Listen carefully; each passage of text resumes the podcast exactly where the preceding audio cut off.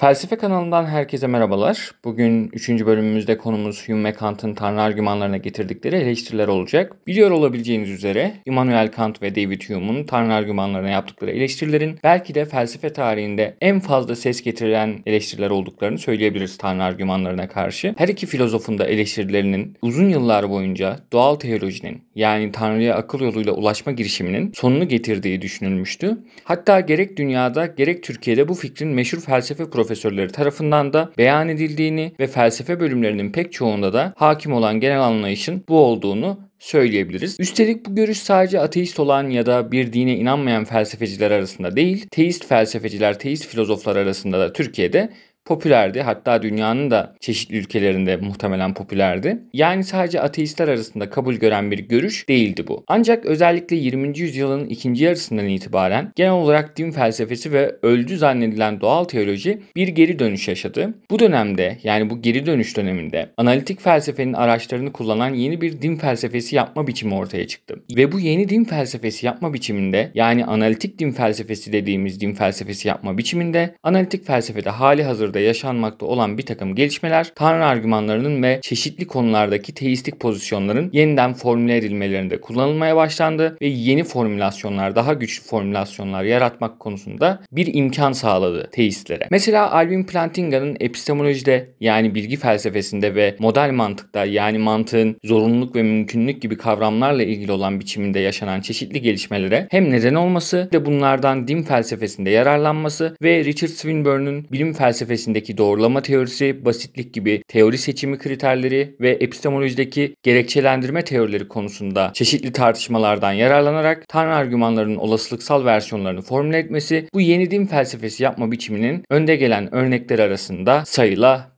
Bazı din felsefecileri din felsefesinin bu yeniden doğuş sürecinden önce kısır bir alan olduğunu ve alanın hem teist hem de teist olmayan ya da ateist olan kanatlardan vasat düşünürler tarafından istila edilmiş olduğunu iddia edecek kadar ileri gidiyorlar hatta. Ben o kadar ileri gitmek gerekmediğini düşünsem de önemli olanın analitik din felsefesinin ortaya çıkışıyla beraber din felsefesinin yeniden canlı bir araştırma alanı canlı bir felsefi tartışma alanı haline gelmesi olduğunu düşünüyorum. Din felsefesinin yeniden doğuş sürecinde aşılması gereken bazı köklü eleştiriler vardı ve özellikle bu bölümde bahsedeceğimiz Hume ve Kant'ın doğal teolojiye yaptıkları, doğal teolojinin popüler argümanlarına yaptıkları eleştiriler, doğal teolojinin başarısı ve genel olarak rasyonel tanrı inancının önüne pek çok felsefecinin gözünde aşılmaz bir engel koymuştu. Dolayısıyla bu yeniden doğuş sürecinde analitik din felsefecilerinin hesaplaşmaları ve bir bakıma aşmaları gereken ilk İlk engeller Hume ve Kant'ın tanrı argümanlarına getirdikleri bu meşhur eleştirilerdi. Ve bunu yapmak için analitik din felsefesinin ilk 10 yıllarında gerçekten hatırı sayılır bir enerji harcandı. Bu yöndeki çabalara örnek olarak mesela Richard Swinburne'un Hume'un teleolojik argüman eleştirisine yaptığı eleştirileri sayabiliriz. En önemli örneklerinden biri olarak. Böyle bir sürü başka örnek de var. Peki bu bölümde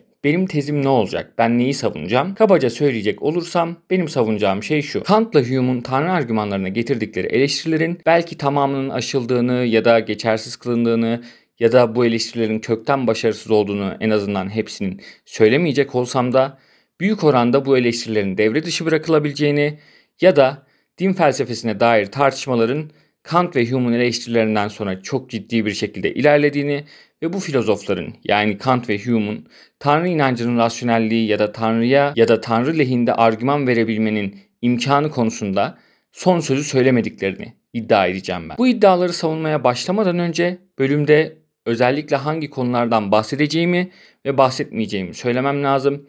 Malum bildiğiniz üzere Kant ve Hume'un her birinin çok detaylı felsefi sistemleri var ve bu filozoflar hakkında devasa bir külliyat oluşmuş durumda. O nedenle bu bölümde Kant ve Hume'un felsefelerinin geneline dair pek fazla şey söylememeye çalışacağım. Ayrıca bu filozofları nasıl yorumlamak gerektiğine dair tartışmalarında çoğunda tarafsız kalmaya çalışacağım. Çünkü ne yalan söyleyeyim o topun altına girmeye cesaret edemiyorum. Malum sen Kant'ı yanlış anladın, sen Hume'u yanlış anladın vesaire tarzı ithamlar böyle durumlarda gelebiliyor. O yüzden o topun altına pek girmek istemiyorum. Zaten hem bu iki filozofun felsefeleri hakkında konuşmak hem de onların nasıl yorumlanacağına dair detaylardan bahsetmek beni bu bölümün ana konusundan uzaklaştıracağı için bölümü makul bir sürede bitirmemi imkansız kılar. O nedenle kendimi Kant ve Hume'un tanrı argümanlarına getirdikleri eleştirilerle kısıtlamam gerekiyor ya da benim için daha iyi olur. Belki de sizin için de daha iyi olur çok uzun sürmeyeceği için. Her neyse Kant ve Hume'un felsefelerine dair detaylardan burada sadece eleştirdikleri argümanlar bunu gerektirdiği zaman bahsetmeyi tercih edeceğim ben.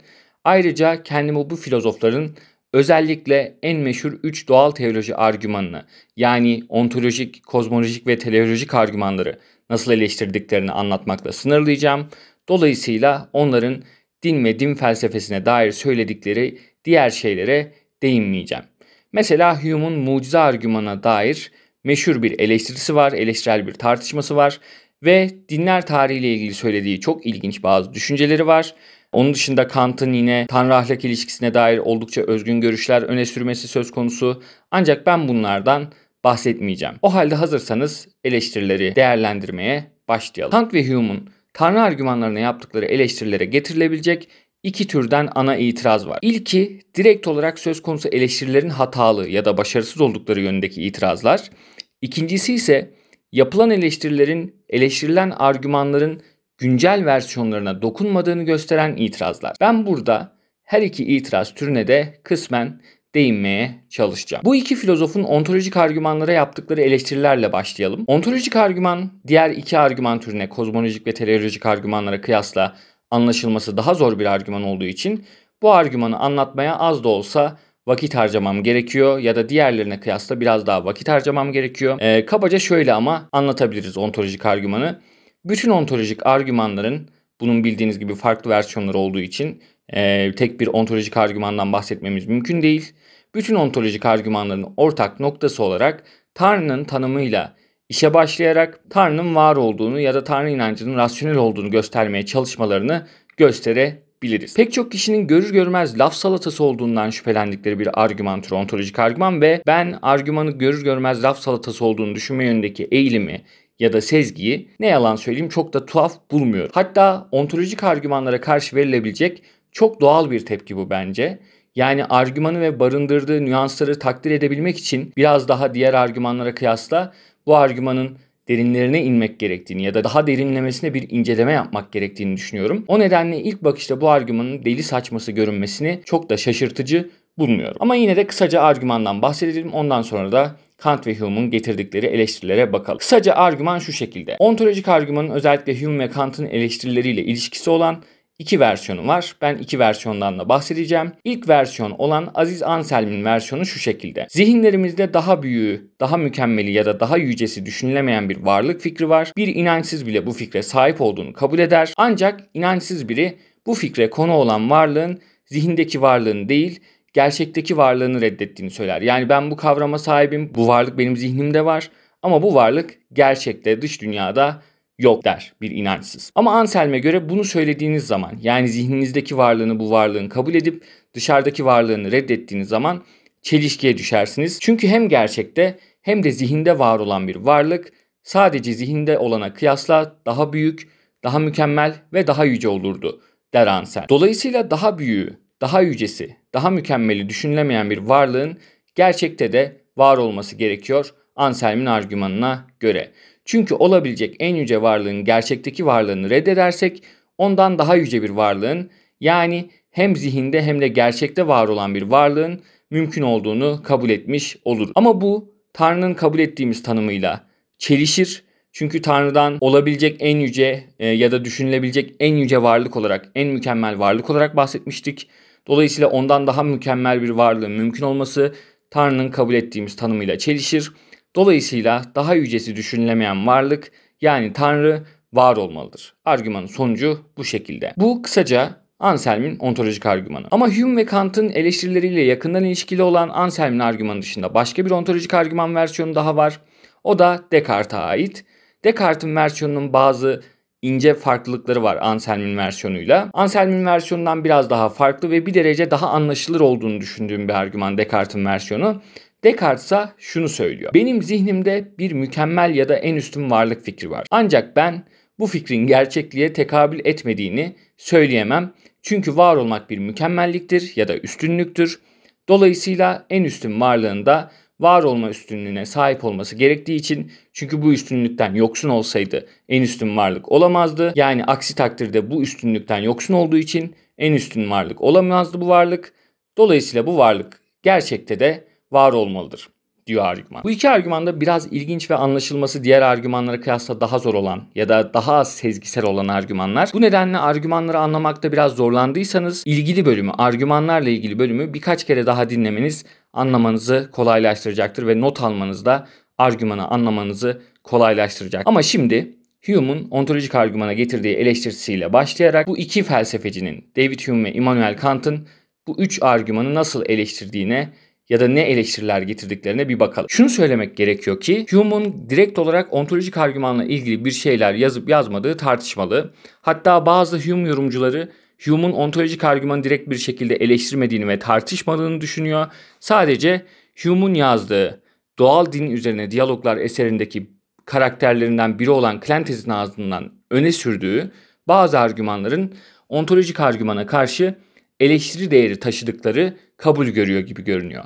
Tabi bu yoruma bazı yorumcular yine katılmıyor. Bazıları diyor ki ontolojik argümandan örtük olsa da kesinlikle ontolojik argümanı özel bir şekilde bahsetti diyor bazıları mesela. O yorumcuların da argümanları var ama yorum tartışmasına değinmek istemediğim için iki yorum arasında ben tarafsız kalıyorum. Burada tabii yorumla ilgili bir tartışma var ancak ben biraz daha kolaylaştırması açısından işimi bunlardan bu noktadan itibaren direkt olarak ontolojik argümana yapılan, ontolojik argümana getirilen eleştiriler olarak bahsedeceğim. Hume'un yaptığı ilk eleştiri dış dünyaya dair herhangi bir olgunun, mesela bir şeyin varlığının a priori bir şekilde ispatlanabilmesinin imkansız olduğu şeklinde. Burada a priori bir şekilde ispatlanmaktan kasıt şu. Herhangi bir deneyime gönderme yapmayan öncüllerden yola çıkarak bir olgunun gerçekliğini kanıtlama yönündeki bütün girişimler. Yani herhangi bir deneyime referansta bulunmadan salt akıl yoluyla doğruluğu şüphe götürmez bir takım aksiyonlardan yola çıkarak ya da doğruluğu tartışılmaz bir takım aksiyonlardan yola çıkarak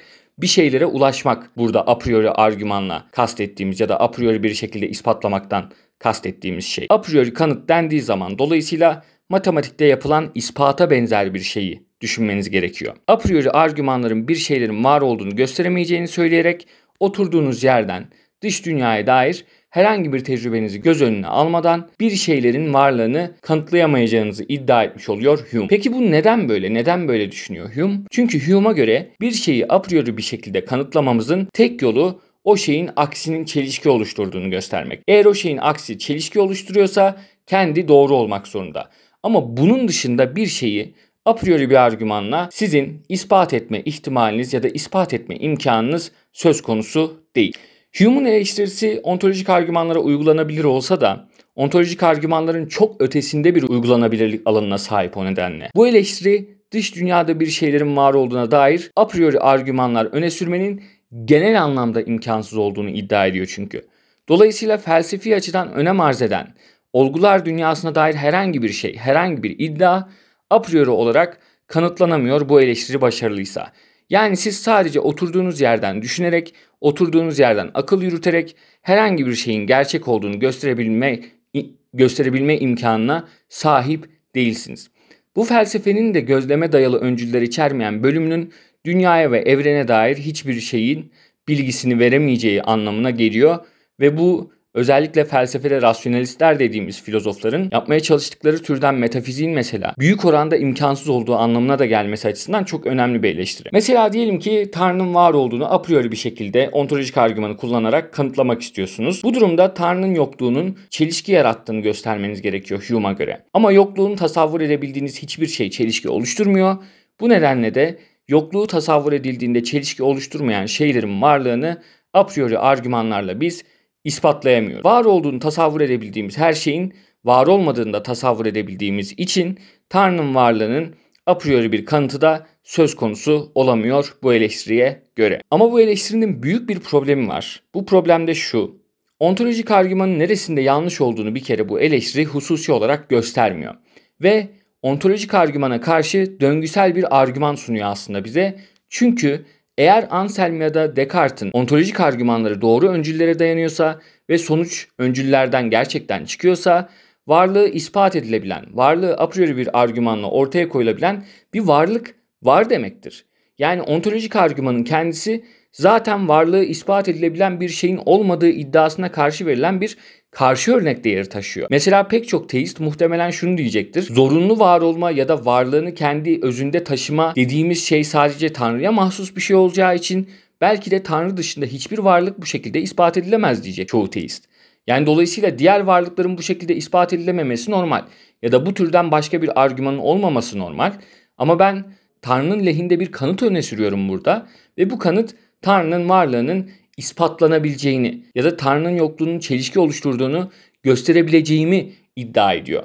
Dolayısıyla siz ontolojik argümanı neresinde yanlış olduğunu söylemeden böyle bir kanıtın imkansız olduğu iddiasıyla eleştirirseniz ontolojik argümanın savunucularına karşı döngüsel bir argüman öne sürmüş olursunuz. Ancak bu eleştiri başarısız olsa bile Kant bize Hume'un eleştirisinin pek çok açıdan geliştirilmiş bir versiyonunu sunuyor. O nedenle bu eleştirinin bir versiyonu başarılı olabiliyor mu görmek için Kant'ın ontolojik argüman eleştirilerine bakmamız gerekiyor. Dahası bazıları matematikte bir şeylerin varlığını kanıtlayabileceğimizi ya da ispatlayabileceğimizi ve matematikteki bazı varlık iddialarının analitik olduğunu yani tanım gereği doğru olduğunu iddia edebilir. Mesela şu iddiayı ele alın. 6 ve 8'in arasında bir tane asal sayı vardır dediğimiz zaman bu analitik bir doğrudur gibi görünüyor. Pek çok felsefeciye mesela Ayer'e böyle görünüyordu ya da mantıksal pozitivistlere böyle görünüyordu. Yani bu iddianın tanım gereği doğru olduğu makul görünüyor. Eğer bu iddianın tanım gereği doğru olduğunu savunabilirsek o zaman bazı varlık önermeleri ispat edilebilir de diyemez miyiz? Hume'un dediğinin aksi şekilde. Bu en azından bariz bir şekilde saçma bir pozisyon ya da saçma bir argüman değil. Her ne kadar matematiğin var olan bir şeylerle ilgili olduğunu reddetmenin makul yolları olsa da buradaki pozisyon, burada öne sürülen pozisyon saçma değil. Matematiğin analitik olduğu pozisyonda saçma değil. Her ne kadar Kant bunu reddedip matematiğin sentetik olduğunu iddia etmiş olsa da en azından bariz bir şekilde saçma bir pozisyon değil matematiğin analitik olduğu şeklindeki pozisyon. Bir diğer nokta bu eleştirinin dokunmadığı çağdaş ontolojik argüman versiyonlarının olmasından motivasyon alıyor. Ontolojik argümanın çağdaş versiyonları Tanrı'nın varlığının mantıksal açıdan zorunlu olduğunu reddediyorlar. Yani Tanrı'nın yokluğunun mantıksal açıdan çelişki oluşturduğu iddiasını savunmuyor. Ontolojik argümanın pek çok çağdaş versiyonu. Mesela gelecek hafta inceleyeceğimiz Plantinga'nın ontolojik argümanı mantıksal zorunluluktan yani bir şeylerin zorunlu olarak doğru olmasının o şeyin yanlış olmasının çelişki içermesini gerektirdiğini iddia eden dar anlamda mantıksal zorunluluktan ziyade metafiziksel zorunluluğu da içine alan geniş anlamda mantıksal zorunluluk kavramını kullanıyor. Yani dolayısıyla Plantinga'nın argümanının iddia ettiği zorunluluk mantıksal zorunluluk e, dediğimiz şeyin dar kapsamlı anlamı değil. Yani Plantinga Tanrı yoktur iddiasının mantıksal çelişki oluşturduğunu iddia etmiyor. Dolayısıyla Tanrı'nın varlığının bir matematik teoreminin ispat edilebildiği şekilde ispat edilememesi, ontolojik argümanın metafiziksel zorunluluğa başvuran versiyonları açısından güçlük yaratmıyor. Bu eleştiriye baktıktan sonra Kant'ın ontolojik argümanlara yaptığı itirazlara geçebiliriz. Kant'ın ontolojik argümana yaptığı eleştiriler muhtemelen bu argümana felsefe tarihi boyunca yapılan en etkili eleştiriler olmuştu. Ben Kant'ın yaptığı eleştirilerden Özellikle ikisinden bahsetmek istiyorum yaptığı başka eleştiriler olsa da. Bu eleştirilerden biri, bahsetmek istediğim eleştirilerden biri şu şekilde. Diyelim ki bir üçgenin var olduğunu öne sürüyoruz ama üç köşesinin olduğunu reddediyoruz. Bu durumda biz çelişkiye düşeriz. Ama varsayalım ki biz üçgenin üç köşesini değil, bütün olarak üçgenin varlığını reddediyoruz. Bu durumda da çelişkiye düşmüş olur muyduk? Kant'ın dediğine göre bu durumda çelişkiye düşmüş olmazdık. Zorunlu varlığı reddederken de var olmayan bir zorunlu varlıktan değil, zorunlu varlığın var olmamasından bahsettiğimiz için çelişkiye düşmemiş oluruz. Bu eleştiriye Hume'a verilen döngüsellik cevabı yine verilebilir. Eleştirinin bir diğer problemi daha önce de belirttiğim üzere Plantinga'nın ontolojik argümanı gibi çağdaş ontolojik argümanların çoğunun Tanrı'nın varlığının reddedilmesi halinde çelişki oluştuğu iddiasını içermemesi. Yani çağdaş ontolojik argüman versiyonları bu eleştiriden etkilenmiyor. Kant'ın yaptığı belki de en etkili eleştiri ise var olmanın gerçek bir yüklem ya da özellik olmadığı eleştirisiydi. Burada gerçek yüklem özellik kısmına vurgu yapmamız önemli. Çünkü Kant var olmanın mantıksal bir özellik olduğunu reddetmiyordu. Sadece var olmanın bizatihi nesnelere ait yüklemlerden ya da özelliklerden biri gibi görülmesine karşı çıkıyordu Kant. Örneğin uzun boylu ya da kısa boylu olmak bir insana bir şeyler ekleyen gerçek bir yüklem ya da özellik gibidir. Ama bir an için var olmayı düşünün. Ben bir şeye vardır dediğimde o şeye gerçek bir nitelik eklemiş olur muyum? Hayır gibi görünüyor pek çokları için. Ben bir şeye vardır dediğim zaman zihnimdeki bir varlığın gerçekliğe tekabül etmiş olduğunu söylerim sadece. Öte yandan o şey benim zihnimdeyken herhangi bir niteliğinden yoksun bir şekilde düşünülmez. Onu ben bütün nitelikleriyle hayal ederim ya da tasavvur ederim. Mesela zihnimdeki masa gerçek olmasa da önümde duran masanın sahip olduğu herhangi bir nitelikten yoksun değil. O da tahtadan yapılıyor, o da kahverengi, o da uzayda yer kaplıyor. Dolayısıyla masanın var olması masaya bir şey eklemiyor. Bir özellik eklemiyor. Sadece o özelliklerin gerçeklikte bulunduğunu söylüyor. Gerçekliğe tekabül ettiğini söylüyor. Bu nedenle var olmanın da Tanrı kavramına mükemmellik namına bir şey eklediğini söyleyemeyiz. Ben mesela var olan bir tanrı var olmayan bir tanrıdan daha mükemmeldir diyemem. Çünkü var olmak mükemmelliğine bir şey eklemiyor tanrının. Bir kere var olmayan şey bir kavram. Zihnimde olan bir şey. Tanrı'nın bir temsili ya da tanrı kavramı dediğimiz şey. Tanrı kavramı bir tanrı değildir. Dolayısıyla ben Tanrı kavramına var olmadığı için daha az mükemmel dersem çok saçma bir iddiada bulunmuş olurum. Çünkü Tanrı kavramı bir Tanrı değil. Tanrı kavramı dolayısıyla daha az mükemmel bir Tanrı olarak nitelenmemeli. Her neyse biraz konudan uzaklaşmış oluyorum bunu söyleyerek. Dolayısıyla masanın var olması masaya bir şey eklemiyor demiştik. Bu nedenle var olmanın da Tanrı kavramına mükemmellik namına bir şey eklediğini söyleyemeyiz. Zihnimizdeki Tanrı da eğer onu mükemmel yapan bütün niteliklerle beraber onu hayal ediyorsam gerçekteki Tanrı kadar mükemmel olmak zorunda. Çünkü zihnimdeki Tanrı da gerçekteki Tanrı gibi. Eğer gerçekte bir Tanrı varsa mutlak kudretli, mutlak iyi, e, mutlak bilgiye sahip vesaire vesaire. Yani onu mükemmel yapan bütün niteliklere sahip. Sadece bunlardan biri var, diğeri yok. Bu eleştiriye peki nasıl cevap verilebilir? Özellikle Frege'nin icat ettiği yüklemler mantığı varlığın gerçek bir yüklem olmadığı ya da özellik olmadığı şeklindeki görüşe ek bir motivasyon kazandırıyor bence. Frege'nin mantığında varlık önermeleri temelde sayısal önermelere benziyorlar. O yüzden mesela nicelemekten bahsediyoruz. Ve nesnelerin değil kavramların özellikleri bu özellikler. Yani sayısal özellikler. Var olmak dediğimiz şey birinci dereceden bir özellik. Yani varlığın kendisinin sahip olduğu bir özellik. Öte yandan var olmak dediğimiz şey birinci dereceden bir özellik. Yani varlıkların kendilerinin sahip olduğu esas özelliklerden biri değil. ikinci dereceden bir özellik. Yani kavramların sahip olduğu bir özellik olarak karşımıza çıkıyor Frege'nin mantığında. Bu yüzden de Frege'nin mantığı gerçekten de var olmanın gerçek bir özellik olduğu iddiasına ters denebilir. Yani Kant'la Frege burada paralel düşünüyorlar ve Kant'ın neden haklı olduğunu da bir nebze Frege'nin mantığı icat olduktan sonra öğrendik gibi görünüyor. Dolayısıyla Kant'ın bu eleştirisi makul bir eleştiri gibi görünüyor. Özellikle mantık konusunda